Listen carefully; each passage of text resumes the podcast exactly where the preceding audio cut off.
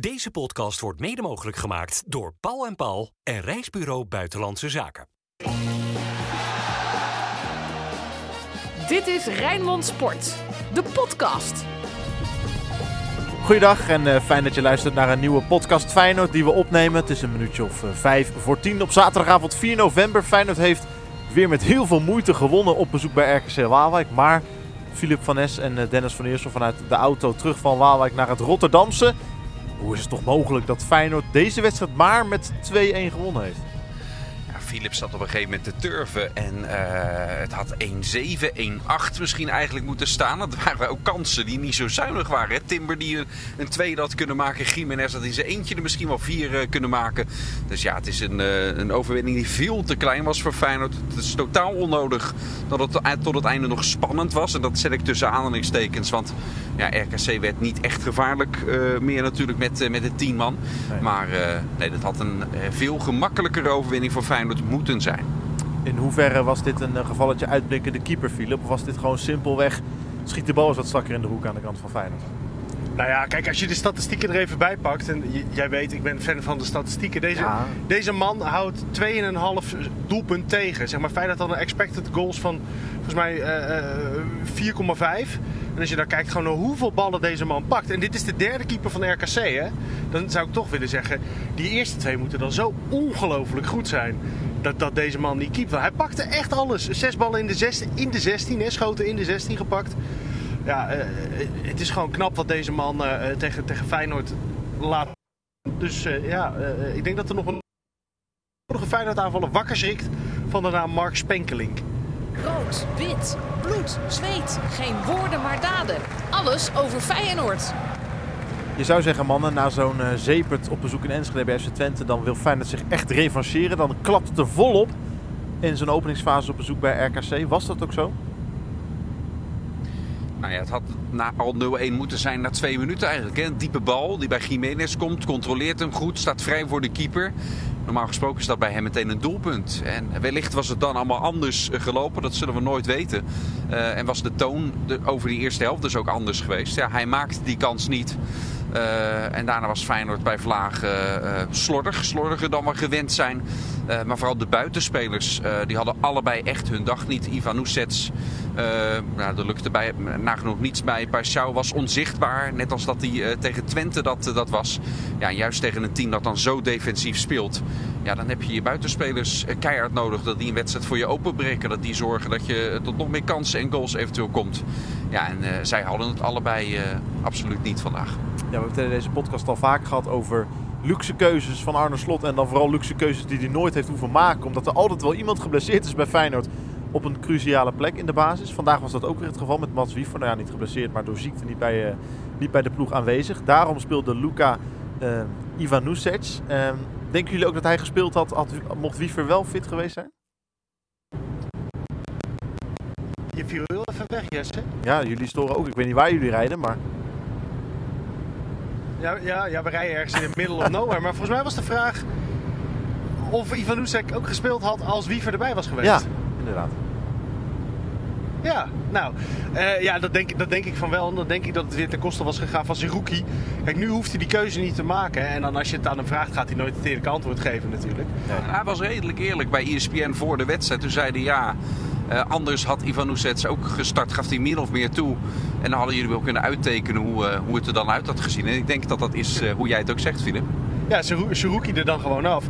Nou ja, kijk, voor Ivan Oesek is dit natuurlijk ook geen lekkere beurt. Want je krijgt nou een keer die kans. Uh, na die blessure. Je, had natuurlijk, je kwam, toen ging het goed. Je raakt geblesseerd. Nou, dan krijg je nu een keer die kans om je, om je te laten zien. Ja, en dan lever je zo'n eerste helft op. Waarbij, als we dan heel kritisch zijn, ja, op een gegeven moment hij gewoon aan die binnenkant gaat lopen. En vervolgens in de counter worden ze, worden ze geklopt. Omdat Hartman ook heel de tijd, maar omdat hij aan die binnenkant loopt, daar overheen moest komen. Ja, dan staat Hartman veel te hoog. En als je dan die bal verliest en die Cleonis die loopt er aan de rechterkant links voor Feyenoord dan, dan vandoor. Ja, dan, dan, kun je het ergens hem kwalijk nemen dat hij, dat hij op dat moment op plekken loopt waar hij helemaal niet moet lopen. Want hij loopt dan ook ruimtes dicht voor een Stanks, voor een Timber. En dat, dat, dat, ja, ik denk dat dat nog wel even aan hem knaagt. Dus jij zegt eigenlijk, Philip, die, die 1-0 van Cleonice van RKC, die had eigenlijk uh, ook voor, voor een groot deel met uh, het lopen van Ivan te maken. Ja, voor een gedeelte wel. Uh, uh, als hij op dat moment gewoon, gewoon wat meer aan die buitenkant blijft, dan hoeft Hartman ook niet zo hoog op te komen. Uh, geef je ook Hartman veel minder de kans. Want ja, we kennen Hartman nu ondertussen wel een beetje. Als die kan, dan gaat hij. Ja, dan geef je hem ook minder de kans om dat te doen, omdat je zelf aan die buitenkant staat. Plus, je houdt de ruimtes voor Stenks en voor Timber om in te lopen. Want dat zag je op een gegeven moment na die 1-0. Timber werd naar Arne Slot geroepen, kreeg aanwijzingen. En daarna ging het veel meer over Timber. En lieten ze Timber vanaf die linkerkant naar binnen trekken. En daar zag je dat er toen opeens gevaar kwam vanuit die loopacties van, uh, van Quinten Timber. Ja, en niet alleen, het bleef niet alleen bij gevaar, want Quinten Timber maakte ook een prachtige goal. Hoe hij die bal vrij maakte en een soort al vallend uit te draaien de bal binnenkant paal in in de verre hoek kreeg. Dat is, deze, deze goal van Quinten Timber is eigenlijk toch gewoon kenmerkend voor de Quinten Timber die hij in dit Feyenoord aan het worden is. Hij is uh, zo sterk aan de bal. En dat wegdraaien van hem, uh, ja, hij, gaat dat steeds meer met rendement ook uh, combineren. Nu zelfs met een doelpunt ook, ook erbij. Ja, dat was echt gewoon een hele sterke actie. Want hij werd aangespeeld met zijn rug nog naar de goal. En het is echt die individuele kwaliteit die hij heeft. Waarmee hij opeens vrij tegenover die keeper staat. En ja, dan slaat die bal binnenkant paal binnen. Een belangrijk doelpunt. Want Feyenoord tegen de verhouding in stond op dat moment natuurlijk wel met, met 1-0 achter. Dus uh, nou, ook op die, uh, die teampositie, waar die, waar die vandaag dus uh, daardoor weer... nee, daar stond Stenks, hè, maar hij dook nu wel een keertje op die plek, dook hij dan, dook dan op, die, die Timber. En liet hij zien dat hij dus ook, ja, ook scorend vermogen heeft. Vangt Timber inmiddels nu eigenlijk gewoon het gemis van uh, Orko Kukcu bijna of helemaal in zijn volledigheid op? Nou, in heel veel wedstrijden een hoog niveau en doet hij dat. Wat hij nog niet heeft, wat Kuksu wel had in zijn laatste seizoen met name en een beetje in het seizoen daarvoor, maar met name in zijn laatste seizoen. Dat was echt die leidersrol. Als het een wedstrijd was die niet loopt, dan wist je oké, okay, Kuksu komt achter in die bal halen. En als een dirigent ging hij dan die bal verplaatsen, nam hij die ploeg op sleeptouw, gaf hij echt het start zijn. Wie gaat de druk zetten, wie nog niet. Dat doet uh, Timber nog niet. Uh, maar daar heeft Kuksu natuurlijk, laten we wel zijn. Daar heeft hij ook wat jaren voor nodig gehad om, om tot dat punt te komen. Timber is misschien nog, nu nog in zijn ontwikkeling. Dan kijk ik niet naar leeftijd, maar gewoon naar ontwikkeling.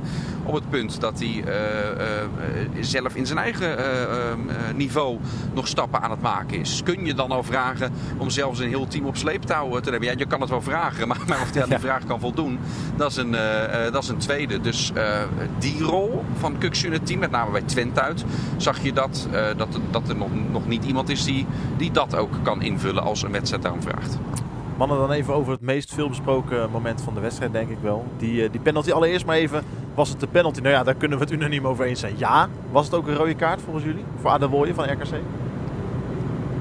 Ja, ja de, regel, de regel is heel hard. Uh, terwijl we hier gewoon weer bij die stoplichten. Ik snap dat nog steeds niet. Als je vanuit Waalwijk rijdt en je rijdt terug naar Rotterdam. wie zet er stoplichten op een snelweg? Het is echt krankzinnig. Maar ik moest even afrechten remmen voor de stoplichten. Nee, um, Leuk interesse. Uh, dat je niet in Rotterdam bent. Dat was een van die stroken ook nog. Uh, dan heb je gewoon een asfaltstrook, maar dan mag die niet meer gebruikt worden. Dat is, oh, dat is hier niet. Hè? Dus het road kan altijd road to nowhere. Nee, Rotterdam, road to leggen we, ja, ja, Rotterdam leggen we wegen aan die we niet gebruiken. Dat is top. Nee, um, ja, kijk, het, was 100% de strafschop. Die rode kaart kan ik op zich ook voor heel goed begrijpen. De stelregel is gewoon een doorgebroken speler is een rode kaart. Ja, in dit geval, Gimenez draait weg. Heeft eigenlijk alleen nog maar de keeper voor zijn neus. Ja, volgens mij is dat een definitie van een doorgebroken speler. Ja, dan kun je als scheidsrechter ook niet heel veel anders dan daar gewoon die rode kaart voor geven. En ik weet niet of we dan nog gelijk door mogen richting, richting het moment dat Gimenez een penalty gaat nemen. Maar ik snap dat de keeper irritant doet en dat je het dan mooi wil doen. Maar waarom sprint je als je een Panenka doet? Waarom sprint je zo hard naar de bal? Want je weet gewoon dat je hem verkeerd gaat raken. Zeker, zeker iemand als Jiménez zou moeten weten dat op het moment dat je naar een bal sprint en je gaat een Panenka, dat je hem over Panenkaat. Maar ja, blijk, blijkbaar houdt hij dat even niet meer ver, vers in het geheugen. Nee, kan iemand van jullie überhaupt enigszins een verklaring bedenken voor het feit dat, ja, natuurlijk Jiménez loopt over van het vertrouwen. Een doelpuntenmachine en alles wat hij aanraakt verandert in goud. Maar op zo'n moment, vlak voor rust, 1-1. Je hebt de 1-2 voor het inschieten. Waarom zou je dan hem op deze manier willen maken? Dat slaat toch werkelijk waar helemaal nergens op. Het ene wat ik me kan bedenken is, uh, het duurde best wel lang. En die keeper ging eerst nog, die was eerst sowieso nog, stond hij ergens in de middencirkel. Uh, ja. Toen ging hij naast zijn goal staan. Toen ging hij springen tegen die uh, lat aan. Hij, hij, liet nog net niet zijn tokens zien om, om hem af te leiden. Dat Jiménez dacht van ja, ik ben het zo beu, ik ga jou nou ook even vernederen. Daar kan ik me enigszins in verplaatsen als dat in het Spaans dan weliswaar. Ik weet niet wat het Spaanse woord voor tokens was, anders had ik het in het Spaans gedaan. Maar dan kan ik me enigszins kan ik me erin, kan ik, ja, kan ik me erin eh, verplaatsen dat, eh, dat dat dan de gedachtegang was. Maar goed, je, je kan nooit in het hoofd van een ander eh, kijken. Jullie ook niet bij mij en dat is soms maar goed ook. Ja. Ehm, eh, want dit is maar een tipje van de ijsberg. Ehm, eh, maar dat, ja, ik zou dat nog enigszins kunnen volgen. Dat je denkt, ja, jij, jij doet zo irritant, dan ga ik het je ook even betaald zetten. Maar ja, dan, dan moet je het wel doen. Wat zei Arne Slot daarover na afloop op de persconferentie? Want jullie hebben hem er ongetwijfeld naar gevraagd. Wat hij ervan vond van die gemiste penalty. Nou, Arne Slot gaf natuurlijk de dooddoener. Een gemiste penalty is nooit leuk. Nou ja, dat eh, kan ik hem... Is wel waar. Ja, nee, het is een dooddoener, maar hij is wel waar. Dat is het probleem met de meeste dooddoeners. Ja, nee, hij, hij kwam ook met, ja, hij, hij blaakt van het zelfvertrouwen. Dus wil je het dan misschien op deze manier proberen. Ja, eh, uiteindelijk was dan wel opvallend dat eh, eh, Slot aangaf dat in, in de kleedkamer... eh Jiménez daar niet op aan werd gepakt. Normaal zou je toch nog wel eens iemand een draai om de oren geven. Maar, maar deze ploeg is blijkbaar mentaal al zover dat ze denken... Ja, oké, nou ja, je mist deze penalty op een krankzinnige manier. Prima, maar dan gaan we het gewoon met elkaar in de tweede helft repareren. We hebben je nog hard genoeg nodig. Wij hebben er niks aan als wij jouw ego nu naar beneden gaan trekken. Nee. En daarna, het begin van de tweede helft, kans op kans. Hè. Ivan Nusic, Jahan Baks, Hartman, Hansko van dichtbij. Het was echt ongelooflijk. We hadden het Ja. in de intro van deze podcast Timber al, nog al een keer, hè? Die had Ja. zijn tweede kunnen maken. Ja. Ja, ja, ja. Keeper was een ongelofelijke staande weg voor Feyenoord. Maar goed, hij viel gelukkig. Die 1-2 van Bart Nieuwkoop. Zijn allereerste nog, hè? Het shirt van Feyenoord. Dat, dat wist ik ook niet. Ik dacht, het is zijn eerste sinds zijn rentree in Rotterdam. Maar überhaupt zijn allereerste competitiegoal ooit voor Feyenoord. Nou ja, als iemand Ja, gegund is. alleen bij, eh, ook bij, bij Willem II niet. Bij Union heeft hij dan wel eh, gescoord. Deed hij meteen één keertje in één seizoen eh, heeft hij er drie gemaakt. Ja, Eh, dus hij ligt op, op koers voor, voor meer. Ja, ik had het er op de persconferentie nog eventjes met hem, met hem over. Want hij, hij was aan, dit, dit verhaal kent iedereen ondertussen. wel. was natuurlijk altijd aanvallende middenvelder door Fred Rutte. eh, eh, of nee, daarna denk ik zelfs om, omgeturnd tot, tot back. In navolging van Rick Karsdorp die zo'nzelfde pad had bewandeld. Dat was onder Fred Rutte natuurlijk. ja. Toen dacht men van, ja, dat kunnen we met nieuwkoop ook, want wij willen onze backs altijd veel laten aanvallen. En dan zal hij altijd gedacht hebben als aanvallende middenvelder, als ik Feyenoord 1 haal, dan ga ik daar ook mijn goals mee pikken. Dat is, uiteindelijk is het, eh, is het uitgekomen voor hem, dat die bal nog voor zijn voeten sprong. Een bal die eigenlijk, eh, het was echt een goede corner, die werd teruggelegd op Siruki. ja. Die werd helemaal vrijgelaten, hij plaatste hem ook heel erg goed. Maar ja, binnenkant paal eh, eruit. Maar anders was het een goal van Zerouki geweest. Maar nu is het een, een mooi verhaal voor, voor Nieuwkoop. Allereerste keer dat we op Radio Rijnmond uit ons dak konden gaan bij een goal van Bart Nieuwkoop in het shirt van Feyenoord. En omdat het de allereerste keer was, laten we het natuurlijk ook even, laten we het ook even horen in deze podcast. Het is even de omgedraaide wereld. We zijn 63 minuten onderweg. En eh, ja, dit had gewoon eigenlijk 1-5 moeten zijn. Stenks met de corner. Die gaat getrapt worden vanaf de rechterkant. Nou, dan nu maar vanuit een hoekschop. Het zou lekker zijn als dat nu gebeurt. Laag. Oh. Zerouki. Oh, de bal. En Ja! gaat hij in. Ja! Nieuwkoop met de goal. In de rebound. Hè, hè? De ontlading bij Feyenoord is enorm.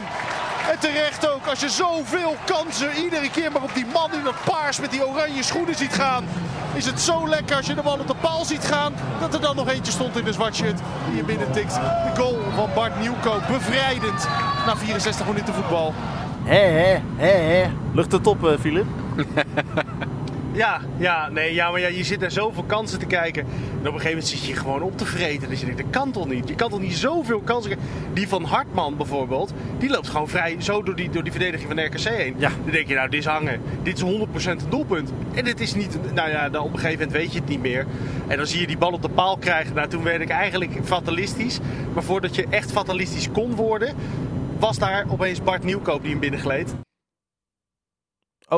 Oh, daar gaat de Ma- verbinding. Mag het een keer? Ja, je viel even weg, eh, Filip. Ik heb geen idee wat je zei Oh, tussen ja, het nee, Nieuwkoop die de bal binnengleed Hè, hè. en mag het een keer. Hè, hè. Ja, ja, nou, dat, wat- ja, dat ik gewoon heel opgelucht was en dan mag het een keer. ja, nou ja, dat, Dat was het.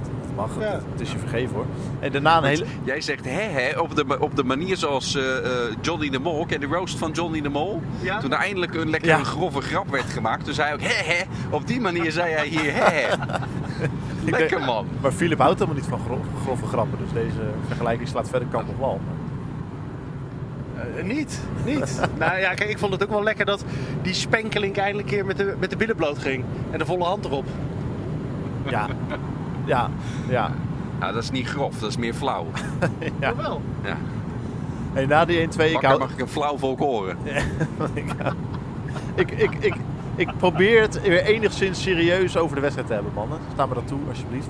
Na die 1-2, eh, een beetje een aparte fase met Feyenoord dat eerst vol aanzet om die 1-3 te maken. En dat, dat hebt dan een beetje weg. En aan het einde gaan ze zelfs bij de cornervlag staan. Ja, het was, het was ook niet alsof RKC nog in de buurt is gekomen van die gelijkmaker. Hè? Maar het was wel even lekker geweest als die, in ieder geval die 1-3 was gevallen. Want op een gegeven moment zag ik een, een schotenverhouding.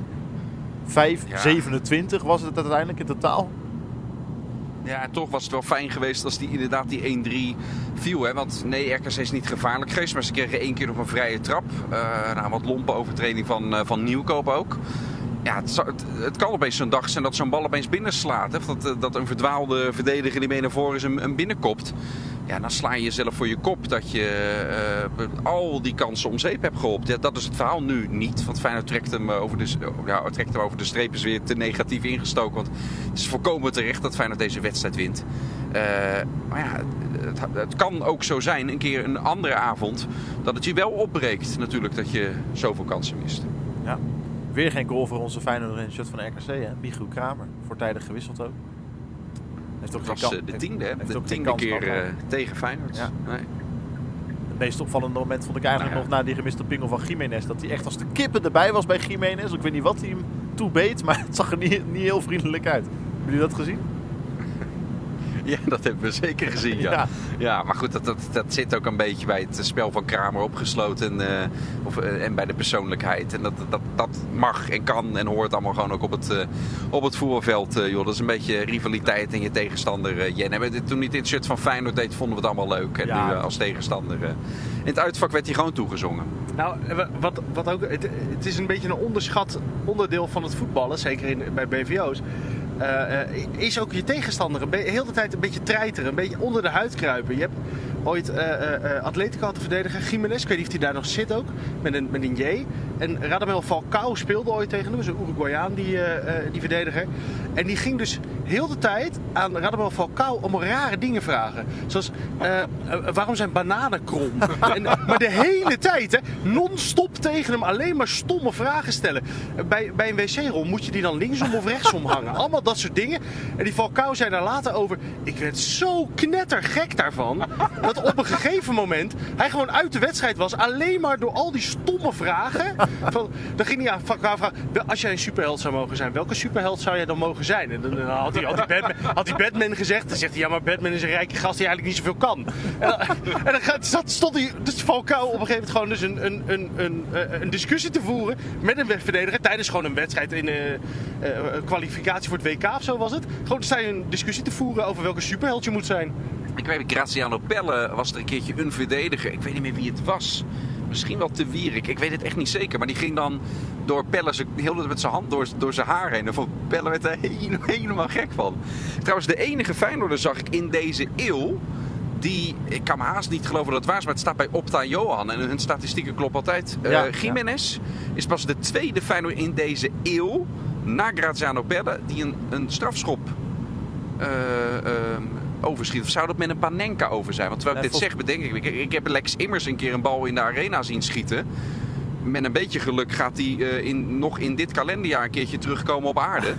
Eh, dus dan zal het zijn dat het met een Panenka Ja, ik dacht ook over dat, was. ik dacht, dat het dan ik dacht zijn? ook te zien in ieder geval de eerste sinds Pelle die een penalty namens Feyenoord over of naschoot. Maar Ja, dan is Immers daarvoor geweest. Maar dan, de- dan zijn het er meer in deze... Nou, lekkere statistiek in ieder Ja, geval dit. Hij. Pelle schoot een keer ook een penalty over. Ja. Dat, dat klopt in ieder geval. Ja. ja, nou, we gaan Hij lekker heeft, door. ook wel eens een, hij heeft ook wel eens een panenkaatje gemaakt. En die Pellers, weet je nog die bekerwedstrijd bij Herenveen uit? Ja, ja.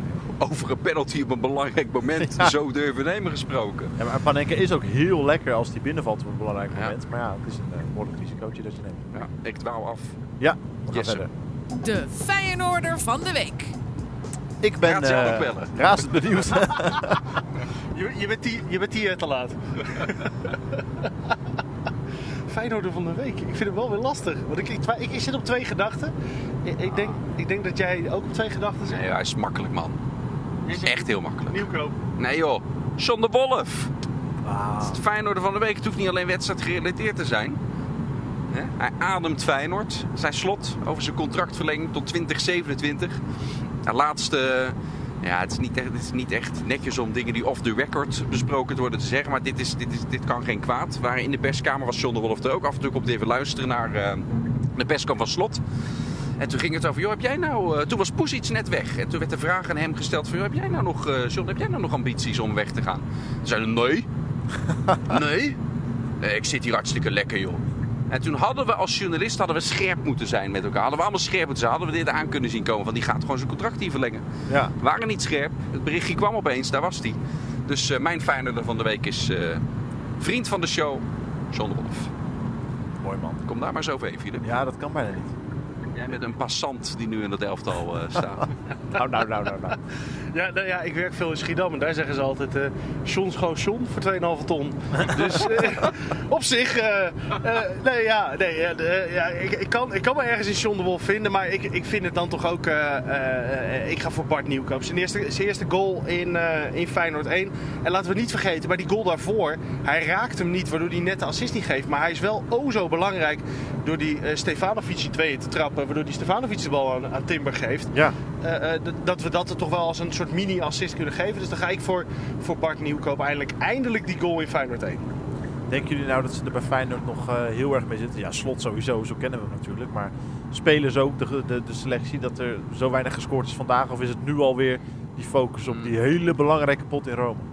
Ik denk dat het wel meevalt, omdat vorig jaar was dit heel vaak het verhaal. Feyenoord kans op kans en het scoorde maar niet. Tegenstander één of twee kansen en hop, eh, die liggen er dan eh, wel in. Maar dat, dat was eh, vorig seizoen. Was dat vaak dit seizoen. Ehm, eh, Feyenoord heeft wedstrijden gehad dat het zoveel heeft gescoord. Het is echt wel anders dan, eh, eh, dan hoe dat hiervoor was. Dus dit, ik vind dit nog niet een repeterend verhaal wat we in, in dit seizoen elke keer terugzien. Dus ja, kan een keertje gebeuren dat niet elke bal er, erin vliegt. Nou, dit was zo'n wedstrijd zoals altijd eigenlijk in, in Waalwijk. Dus nee, gewoon op, op naar Rome lijkt me. De glazen bol. En zo is het, net als eh, Feyenoord verleggen wij de focus in deze podcast heel simpel van RKC uit. Noteren we, 1-3 vinkje erachter en we gaan, naar, eh, we gaan naar Rome. Wat zei je Dennis? Ik had 1-3 voorspeld. Dus hij had wel mogen vallen.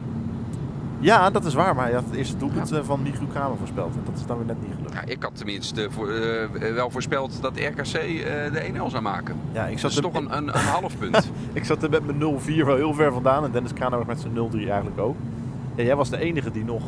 Maar ja, jij hebt natuurlijk zoveel stroeve edities van RKC Feyenoord daar meegemaakt. Daarom. Dennis Kranenburg en ik zijn wat dat betreft wat, eh, Louis. wat, wat, wat naïver misschien. maar inderdaad, jij zat het dichtstbij. Het brengt ons op een totaalstand van... eh, nou, daarin is niks veranderd, want we hadden allemaal maar één puntje. Dennis van Eersel onderaan met 13 punten en eh, ondergetekende en Dennis Kranenburg bovenaan met één puntje meer. Op 14 Ja. punten. En dan mag de grote Philip van Es de grote Dennis Kranenburg vertegenwoordigen vandaag. Jij mag namens Dennis Kranenburg jouw voorspelling doen van Lazio Feyenoord. We weten, ik, ja, Dennis heeft volgens mij nog nooit Feyenoord niet laten winnen in eh, de glazen bol. Vorig Nee. seizoen niet, dit seizoen niet. Die laat Feyenoord gewoon altijd winnen. Dat Philip nu Ik zeg gewoon 3-0 hem altijd, het is, het is niet, ik zeg hem ook altijd, dan zijn we klaar met opnemen. Dan zeg ik tegen hem, Dan, het is niet wat je hoopt. Het is wat je denkt. Maar elke keer wint Feyenoord en elke keer maakt Jiménez eh, de, de, de, de eerste bij hem. Dus jij Ja. kan hem, je kan nu expres heel erg tegendraads een, een, een anti-Kranenburg voorspelling doen. Dat je denkt van ja, dat Dennis Kranenburg nooit gezegd. Eh, of je, je volgt zijn, eh, zijn voetstappen. We zijn benieuwd. Het woord is aan jou. Ik heb het idee dat hier enige beïnvloeding van deze competitie op dit moment plaatsvindt. Nee. Eh, en wat ik, nee, niet hè? Nee. dit heel serieus. ja. Ja, dat is, wat, wat, wat was de prijs vorig jaar eigenlijk? De poedelprijs. Nou, de poedel. Oké, nou, altijd leuk. Een speciale Eh, ingezonden Vorig jaar, hebben we, vorig jaar hebben we de stand op een gegeven moment eh, die hadden we een beetje verzuimd bij, bij te houden. een persoonlijke, persoonlijke boodschap van Peter Beense was eh, de prijs vorig jaar. Oh ja. Oh, nou dat is leuk. Nee, Ja. dat, eh, daar, doe ik het dan voor. Daar ga ik mijn best doen. Ja. Nee, ik denk, ik, denk, eh, ik denk dat Feyenoord wel wint. Eh, ik denk 1-2. Waarom? Eh, ik denk drie opgestoken sigaretten van Maurizio Sarri. en ik denk dat de eerste goal gemaakt gaat worden door, laat ik eens gek doen, gewoon een streep van Hartman. Oké, dat, is, eh, dat is wel gek doen, ja. Dat is iets wat we normaal gesproken... Nou ja, Dennis Kranenburg kan nog wel eens gek doen met positieve uitslagen. 1-2 had Dennis ook kunnen, Ja, kunnen precies. zeggen. Maar die had gewoon Jiménez. Wat denk jij, Jesse? Ehm, Ik denk eh, Zeg het eens. 1-1. Ik denk dat Feyenoord op achterstand komt. Door een doelpunt van, eh nou, pak een beetje Immobile. Maar dat eh, eh, Santiago Jiménez, want die scoort nooit tegen Lazio. Dus die maakt er, die maakt er gelijk maken.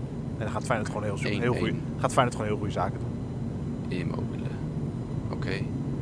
Ik denk dat Feyenoord dat deze pool heel erg spannend is en blijft en gaat worden. Eh, dat Feyenoord met 2-1 verliest in Rome. Wat is dit nou toch weer? Ja, het gaat over wat je denkt en niet wat je, wat je hoopt. Ik had ook Immobile. Met de, de, die, die scoort de 1 over Lazio. Maar waarom- Dat dacht ik. Waarom denk jij dat Feyenoord verliest? Hè? Eh, omdat ik Feyenoord in uitwedstrijden tot nu toe dit seizoen eh, nog niet eh, de kracht vind etaleren zoals ze dat in thuiswedstrijden doen. Ik denk dat Lazio getergd is omdat het richting af en toe zelfs bijna het vernederende afging. Eh, Feyenoord in de Champions League een uitwedstrijd winnen is echt ook een, een zeldzaamheid. Ja, en wat ik zeg, als Feyenoord hier nu al in Rome gaat winnen, van mij mag het, hè. Dus laat, laat het gebeuren zeker. Eh, maar dan is Feyenoord al een paar wedstrijden voor het einde bijna zeker van eh, eh, dat het doorgaat in, in de Champions League. Ja, ik denk dat Feyenoord nog niet zo ver is. Maar weet je, Atletico thuis, die gaat nog een keer komen. Ik wil de glazen bol van schreven. Die wint Feyenoord. Maar bij deze uitwedstrijd, en, en in Glasgow heb ik ook vertrouwen in. Maar bij deze, Rome ook vorig jaar, een beetje angstplek wat in de kop kan, kan zitten. Ja.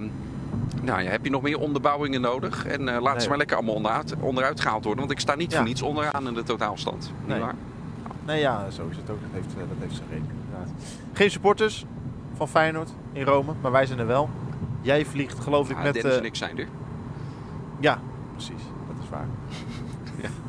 Nee, en, en trouwens wel meer hoor. Want dat was vorig jaar ook zowel bij AS Roma als Lazio Roma toch eh, ja, honderden. En nee, dat zijn niet de duizenden die we gewend zijn, zoals in Madrid. En in Glasgow gaat het natuurlijk eh, ja, gigantisch worden. Hoeveel supporters daar, eh, daarheen gaan. Eh, dat zal nu niet het geval zijn. En in die enorme stad vallen ze ook wat minder op in, in Rome.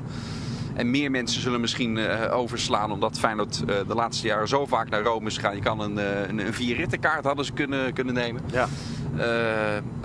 Maar de Feyenoorders die er zijn gaan we natuurlijk opzoeken in, in de stad.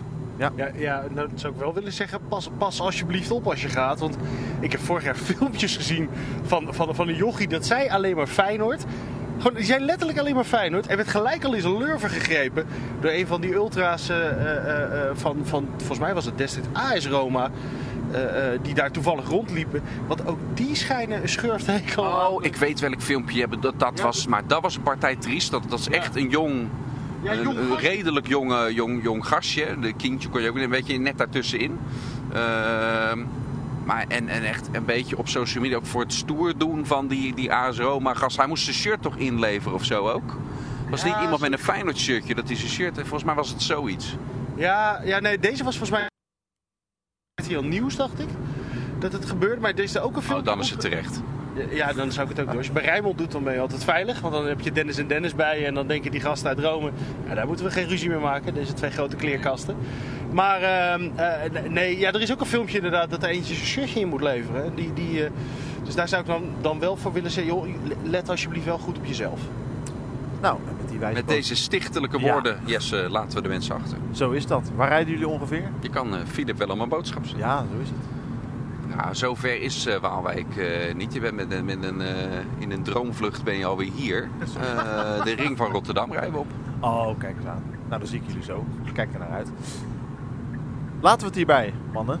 Ik zou zeggen, volg de komende dagen alle verrichtingen van Rijnmond richting die kraker in de Champions League. Van Feyenoord op bezoek bij Lazio. Volg Dennis en Dennis en Frank Stout vanuit Rome. En dan is er dinsdagavond weer een nieuwe podcast Feyenoord na Lazio tegen Feyenoord. Dankjewel voor het luisteren naar deze en tot de volgende. Dit was Rijnmond Sport, de podcast. Meer sportnieuws op Rijnmond.nl en de Rijnmond app. Deze podcast werd mede mogelijk gemaakt door Paul en Paul en Reisbureau Buitenlandse Zaken.